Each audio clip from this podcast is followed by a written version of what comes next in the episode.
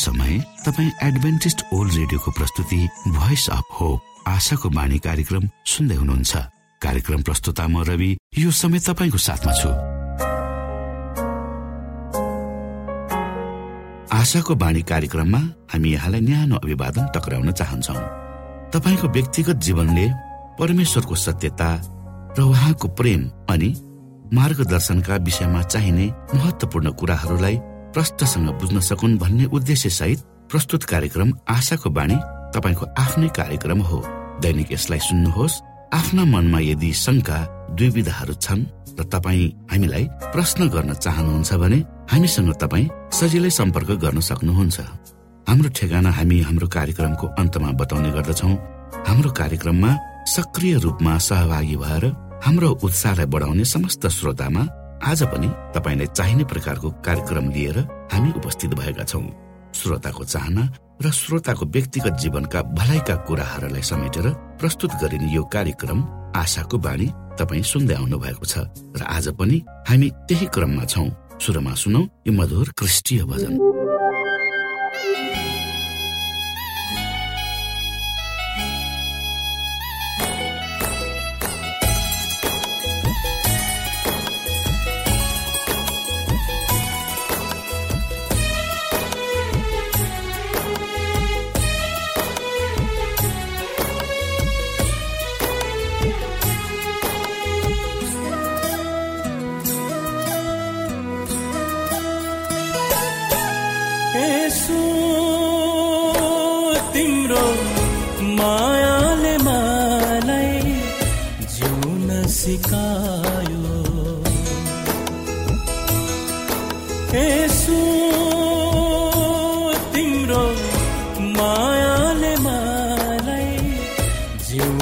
सिकायो म मरे तुल्य थे म मरे तुल्य थे मलाई जीवन दिनु भो मलाई बचाउनु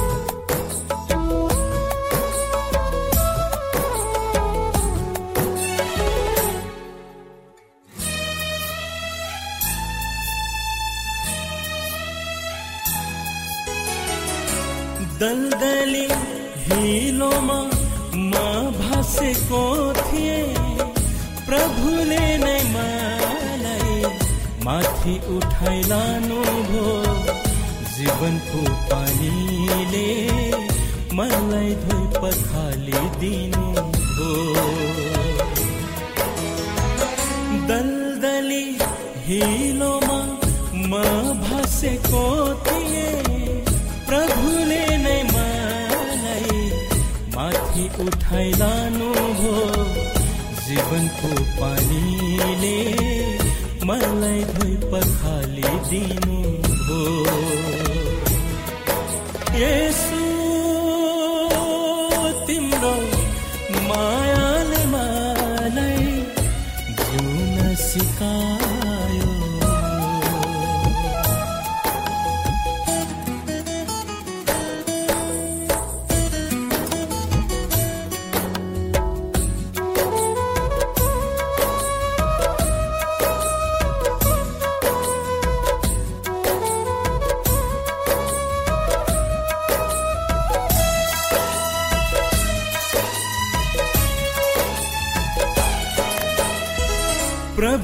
यसु क्रुसमा बलिदान हुनु भो तिम्रो र मेरो पापको निम्ति उहाँले रगत क्रुसमा बगाउनु भो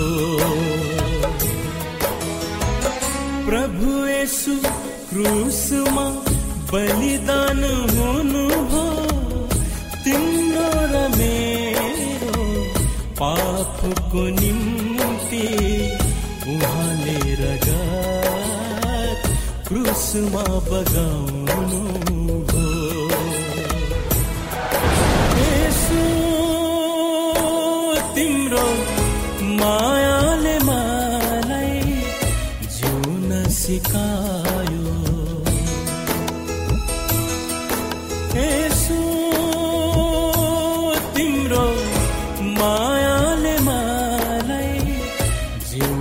सिकायो।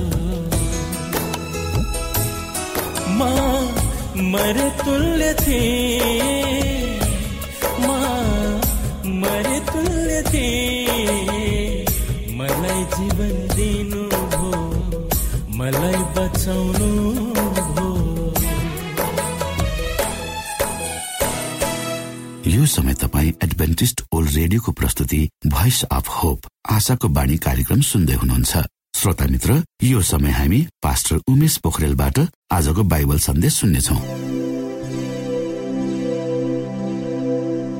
श्रोत साथी न्यानो अभिवादन साथ म तपाईँको आफ्नै आफन्त अर्थात् पास्टर उमेश पोखरेल परमेश्वरको वचन लिएर यो रेडियो कार्यक्रम मार्फत पुनः तपाईँको घर आँगनमा उपस्थित भएको छ। श्रोता मलाई आशा छ तपाईँले हाम्रा कार्यक्रमहरू नियमित रूपमा सुन्दै हुनुहुन्छ र परमेश्वरका प्रशस्त आशिषहरू प्राप्त गर्दै हुनुहुन्छ। आउनुहोस् तपाईँ हामी केही समय परमेश्वर सँगसँगै बिताउँ। आजको प्रस्तुतिलाई पस्कनुभन्दा पहिले आउनुहोस् म परमेश्वरमा अगुवाईको लागि बिन्ती राख्नेछु। जीवित जिउँदो महान दयालु परमेश्वर प्रभु हामी धन्यवादी छौँ। यो जीवन र जीवनमा दिनुभएका प्रशस्त आशिषहरूलाई यो रेडियो कार्यक्रमलाई तपाईँको हातमा राख्दछु। यसलाई तपाईँको राज्य र महिमाको प्रचारको खातिर यो देश र सारा संसारमा पुर्याउनुहोस् ताकि धेरै मानिसहरूले तपाईँको ज्योति यो कार्यक्रम मार्फत देख्न सकुन्। सबै बिन्ती प्रभु यीशुको नाम। आमेन।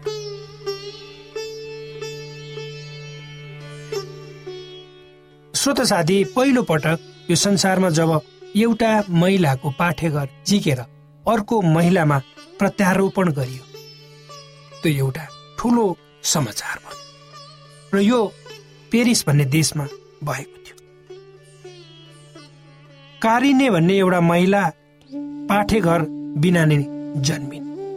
र यो किसिमको बिरलै पाइने वंशानुगत डिसअर्डर हो। जब कारिनेले आफ्नो जुम्लिया दिदीहरू मध्ये एकबाट पाठेघर पाइन् उनले बच्चा जन्माइन्। आफ्नै दिदीको पाठेघर आफ्नो शरीरमा प्रत्यारोपण गरेपछि कारिनेले दुईटा स्वस्थ छोरीहरू जन्माइन् विज्ञान र प्रविधिले कस्तो कस्तो सम्म काम गर्दो रहेछ भने जान्नु कति महत्त्वपूर्ण कुरा हो। यसै गरी निसन्तानहरूको निम्ति टेस्ट ट्युब बेबीले आज संसारमा सन्तान जन्माउन नसक्ने आमा बाबुका निम्ति खुसी ल्याएको छ। यो प्रविधि हाम्रै देशमा पनि छ र यो एउटा उच्च नमुना हो भन्दा कुनै अर्थ नलाग्न। मुटु प्रत्यारोपण किन्नी प्रत्यारोपण शरीरका विभिन्न अङ्गहरूको प्रत्यारोपण आज दिनानुदिन बढ्दै गएको छ। र यो सबै कुराको सम्भव विज्ञान र प्रविधिको कारणले भएको विज्ञान र प्रविधिको कारणले आज मानिसले आफ्नो सुख र सुविधाको निम्ति नयाँ नयाँ कुराहरूको आविष्कार र विकास गरिरहेको छ। आज यदि विज्ञान र प्रविधिको कारणले मानव जीवन राम्रोतर्फ अगाडि बढ्दैछ भने यसले नै मानव सभ्यतामाथि आक्रमण पनि गरिरहेको छ। आज मानव सभ्यतालाई सबभन्दा ठुलो आक्रमण यही विज्ञान र प्रविधिद्वारा भयो। आज संसारमा ज जनसङ्ख्याको वृद्धिहरूको तुलनामा रोजगारी बढ्न सकेको छैन। मानिसहरूको आवश्यकता दिनानुदिन बढ्दैछ। त्यसको अनुपातमा उत्पादन बढेको पाइन् मानिसहरूको इच्छा र चाहनाहरू दिनानुदिन चुलिँदैछन्। त्यसको तुलनामा आम्दानी वृद्धि भएको संसारका सबै मानिसहरूमा सबभन्दा चिन्ताको विषय भनेको उनीहरूको आफ्नो नोकरीको सुरक्षा। धेरै मान्छेहरूसँग नोकरी छैन। जो मानिसहरूसँग नोकरी छ तिनीहरूमा पनि एउटा चिन्ता छ नोकरीको। यसले संसारका सबै मानिसहरूलाई चिन्तित पारेको छ।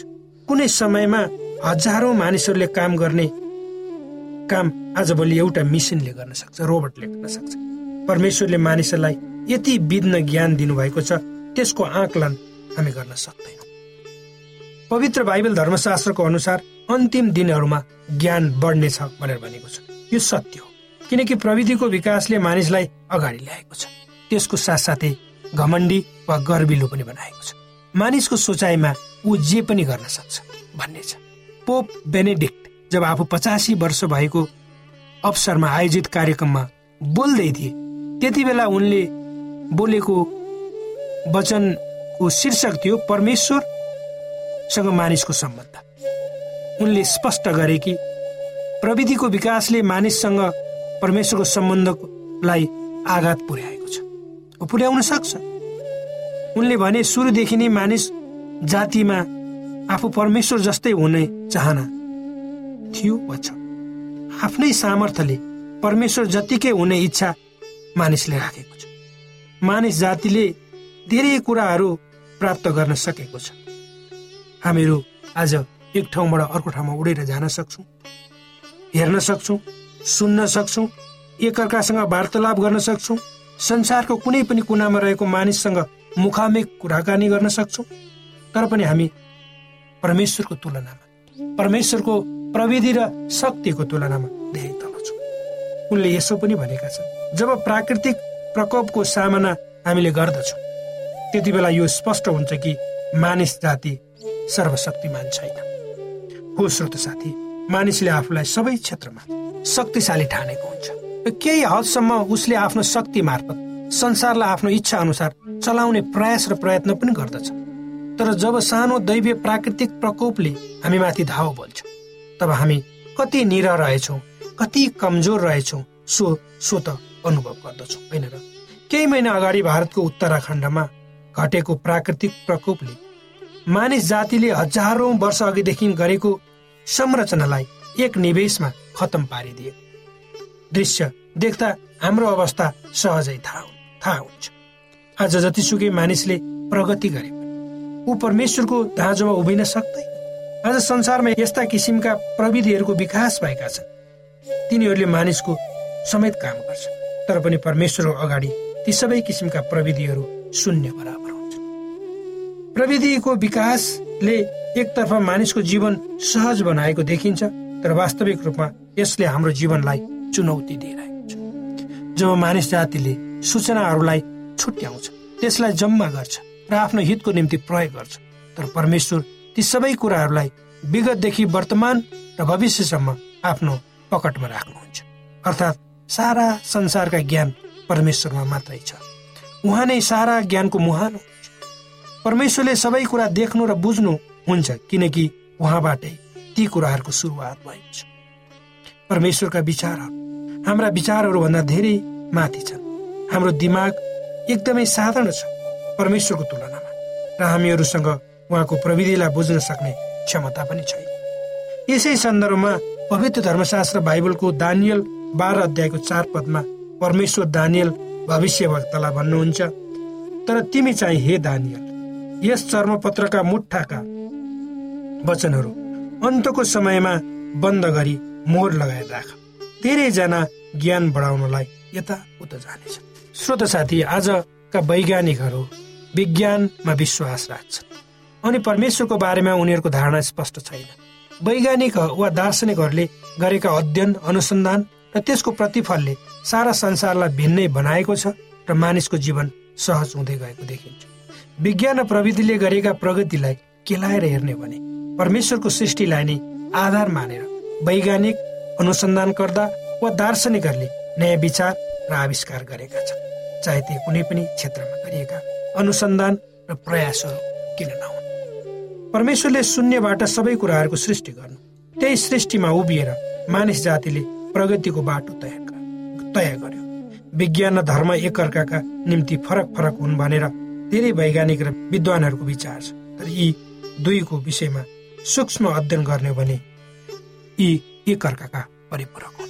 श्रोत साथी परमेश्वर असीमित हुनुहुन्छ किनकि उहाँ सृष्टिकर्ता हुनुहुन्छ। हामी सीमित ज्ञान बुद्धि भएका छोटो उमेर लिएर जन्मेका मानिस हो। तसर्थ आफूलाई उहाँसँग उभ्याउन हामी कदापि सक्दैनौँ।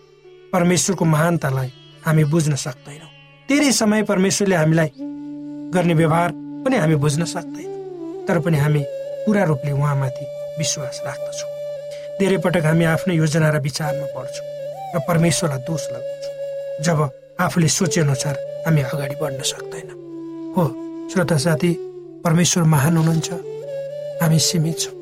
उहाँको ज्ञान महान छ जसको विषयमा हामी आकलन गर्न सक्दैन। र संसारमा हामी जे जति कुराहरू देख्छौँ जे जति कुराहरू हामीसँग छन् जे जति कुराहरू हामी अनुभव गर्छौँ यी परमेश्वरबाटै भएका हुन्। यी वचनले तपाईँलाई आशिष दिनु।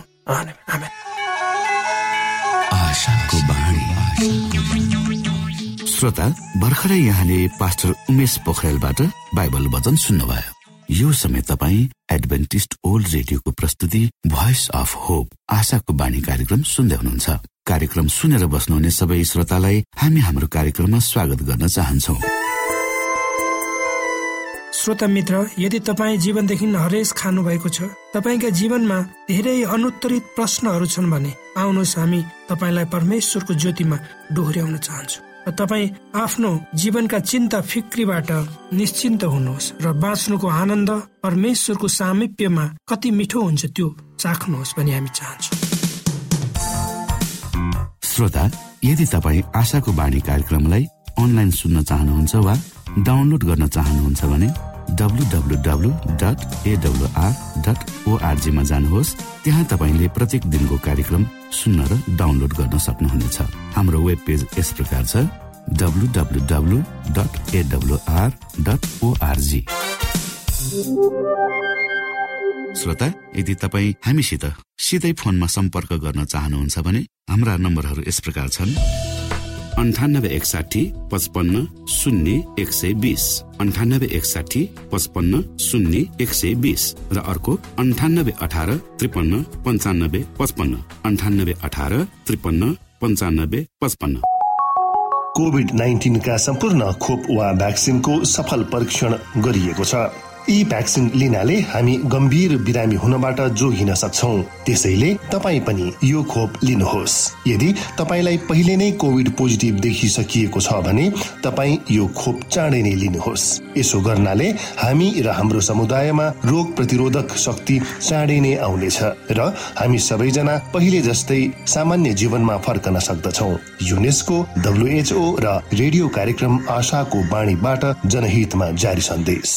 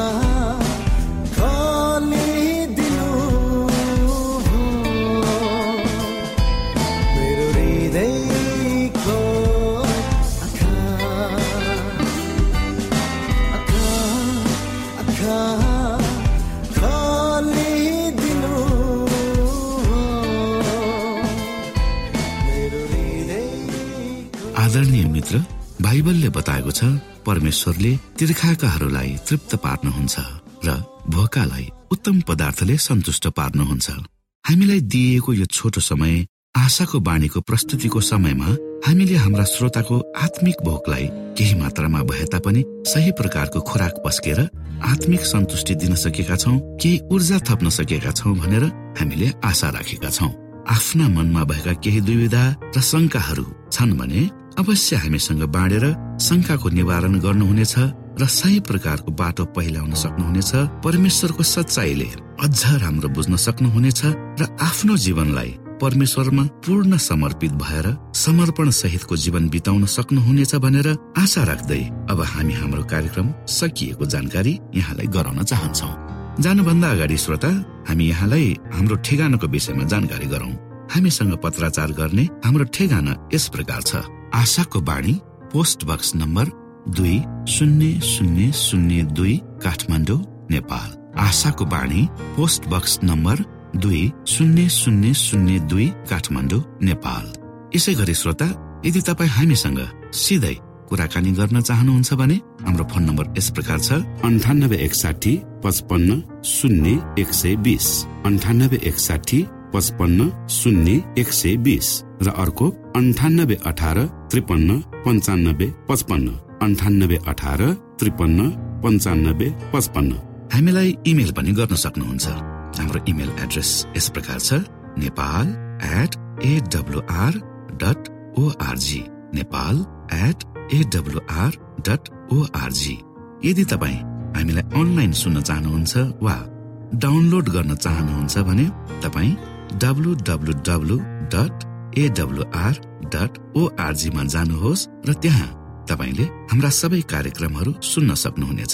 हाम्रो वेब पेज यस प्रकार छ W W W dot AWR dot ORG श्रोता यसमा गएर तपाईँले हाम्रा दैनिक कार्यक्रमलाई सुन्न सक्नुहुनेछ र डाउनलोड पनि गर्न सक्नुहुनेछ।